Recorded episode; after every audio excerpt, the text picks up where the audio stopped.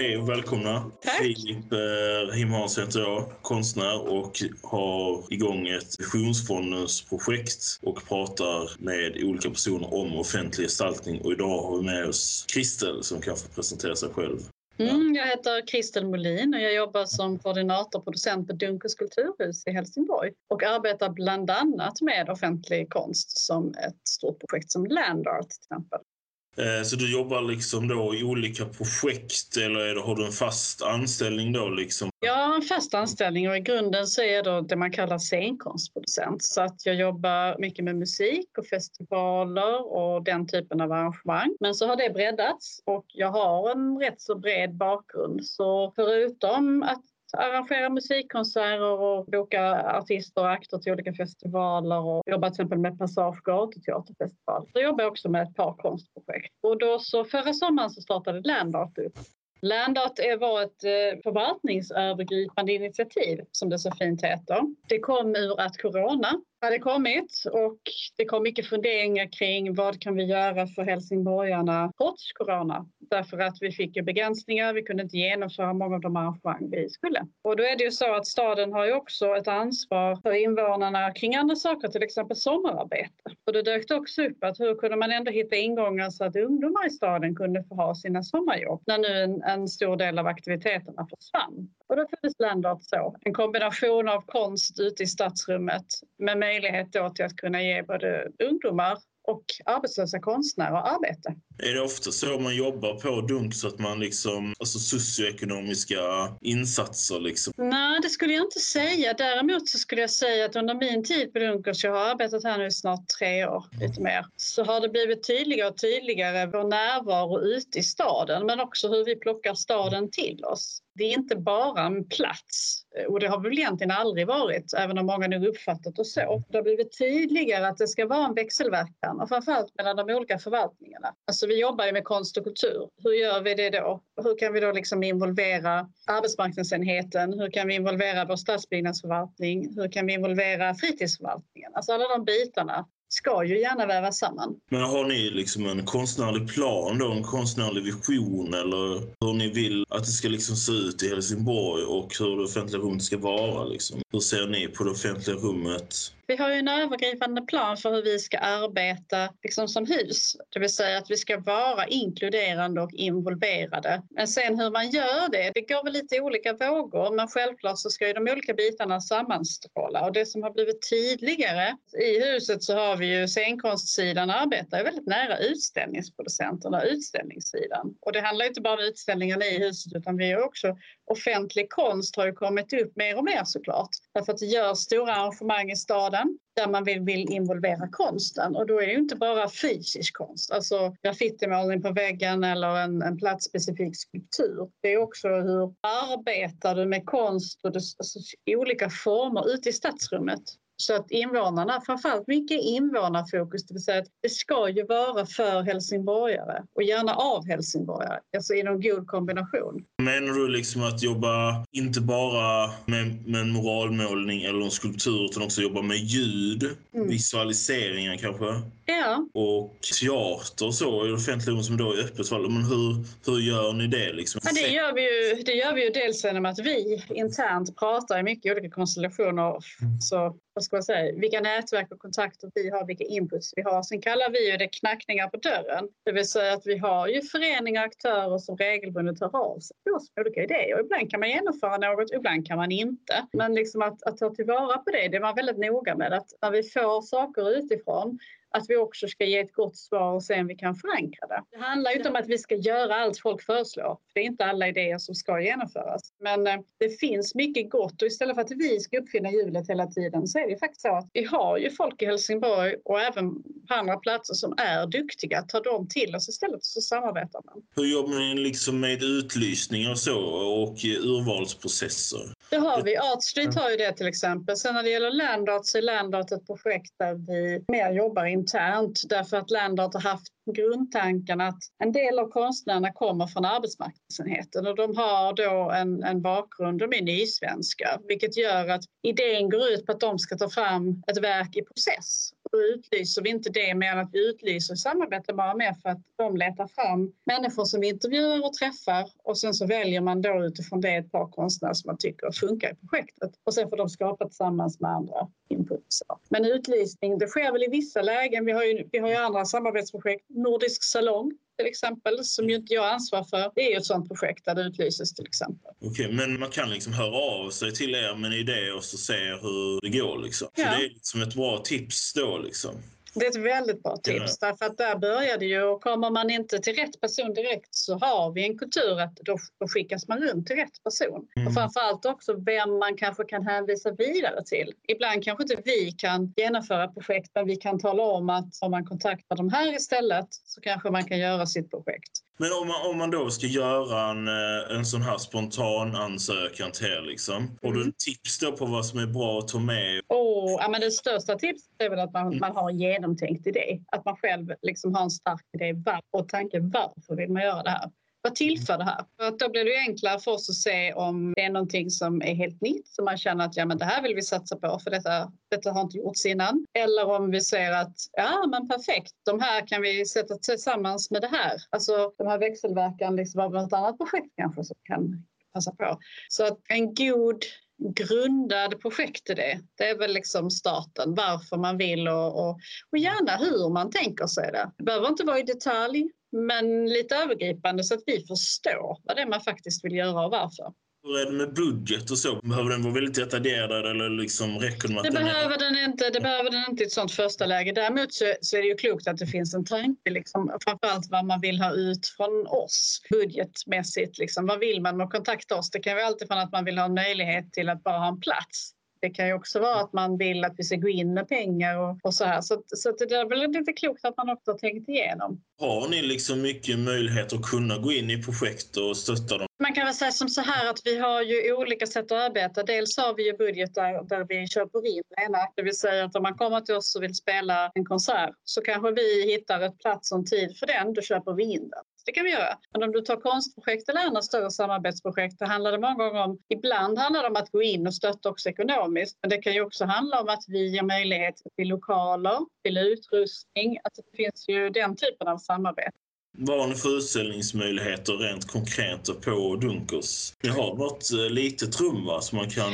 Ja, de är inte så små. Det är första planet. Så har man gjort ett koncept där, där man kan höra av sig och så är det olika utställningsrum där man tillsammans med våra utställningsproducenter då kurerar fram en utställning. Vi har en sån utställning nu som pågår till exempel och den är väl också i entréplan. Alltså man har också använt väggarna utanför i entréplan. Men det kan ju också handla om att vi gör eh, så många olika alternativ. Det kan vara konst utanför huset också och så vidare. Så att har man en sån idé ska man höra av sig till våra utställningsproducenter om det handlar om ren konst. För det är det första steget liksom. Och så ser de vart det ska vidare. Har ni möjlighet att ställa ut grejer liksom runt, alltså utanför Dunkers, liksom på torget här? Har ni liksom möjlighet att göra grejer där utan polistillstånd och sånt liksom, eller hur?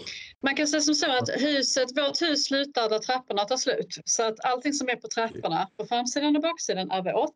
Allting som kommer nedanför måste man ju ha polistillstånd. Men då har vi ju en god dialog med stadsbyggnad och city, centrumförvaltningen som styr torget. Och där gör man ju många olika aktiviteter. Så att har man en idé och kommer till oss och vill vara på Sundstorget så tar ju vi den vidare med dem om vi tycker att det är bra. Ja. Och så får man oftast ihop någonting och då är det de som ordnar med det här med tillstånd och talar om om det går att genomföra eller inte. Men annars så är det klart, ska man ha saker längs Sundspromenaden, man måste man ju ha polistillstånd. Allting som inte är på vårt eget område måste man ju ha. Och det är, nu är coronatider. Det går att få om det inte är aktiviteter där det har någon ansamling. Men alla aktiviteter nu som handlar om att det ska samlas väldigt många, det går ju inte. Utan då måste man ha en annan lösning. Just det, men kon, eh, konstverk då liksom utan vernissage skulle ju kunna gå bra. Liksom.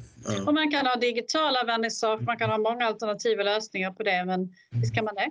Har ni också har ni tillgång till det? Alltså så om man skriver projekt, sånt, har ni liksom eh, fotografer och sånt då liksom som kan hjälpa en att dokumentera? Det har vi. Ja, det har vi. För det är oftast en förhandlingsfråga. Det handlar om vad det är för typ av projekt och vem som ska dokumentera, hur man ska dokumentera. Så. För sånt är oftast grejer som kan springa iväg, alltså just att det blir lite dyrt helt plötsligt. Det är bra att veta om sånt ju. Mm, visst är det det. Men då har vi också varit inne på hur ni jobbar liksom med inkludering och så. Men då är det kanske mer vad, vad du ser saknas i Helsingborg i det offentliga rummet? Alltså Helsingborg för mig har ju utvecklats under de här åren jag har jobbat här. Alltså jag kommer ju från Malmös kulturvärld från början och när jag började i Helsingborg en gång i tiden så finns ju idag fler föreningar, det finns fler människor som vill skapa i den fria världen i Helsingborg. Och det är säkert också för att det finns fler möjligheter. Alltså det har dykt upp de här ställena där du kan göra det som inte är institutionerna. Du tar Pixlapiren eller du tar tryckeriet eller du tar brandstationen. Det har ju kommit en förändring i våra kulturbidrag. Så man söker bidrag från staden så numera kan man ju söka som professionell aktör. En gång i tiden så sökte man i regel mer som alltså ideell och idag så kan ju etablerade söka till att göra olika projekt för den. Det har ju gjort tror jag liksom att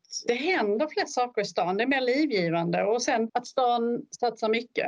Om du tar ett sådant projekt som Stadsmässan som ska vara nästa år så det är självklart att det blir en mängd aktörer involverade för att man vill ju fylla stan med konst och med olika arrangemang och med olika liksom gott innehåll. Och då vill man ju ha folk härifrån som är engagerade. Just det, det är liksom det största, alltså det är en stor grej som händer nu då nästa år. 2022 är ett stort år ju, mm, det är det. Och vi har ju också saker som kommer till staden. Alltså förutom det så har vi ju andra stora arrangemang. Vi arrangerar ju till exempel Bibu som ju görs till tillsammans med Stadsteatern. Det är en, Bibo är en stor tillställning för scenkonst för barn och unga med stor internationell liksom, tyngdpunkt som kommer med återkommande. Den kommer också nästa år till exempel. Och vi gör Passage gatuteaterfestival som är ett samarbete med Helsingör där det kommer gatuteater och scenkonst också från hela världen under en veckas tid.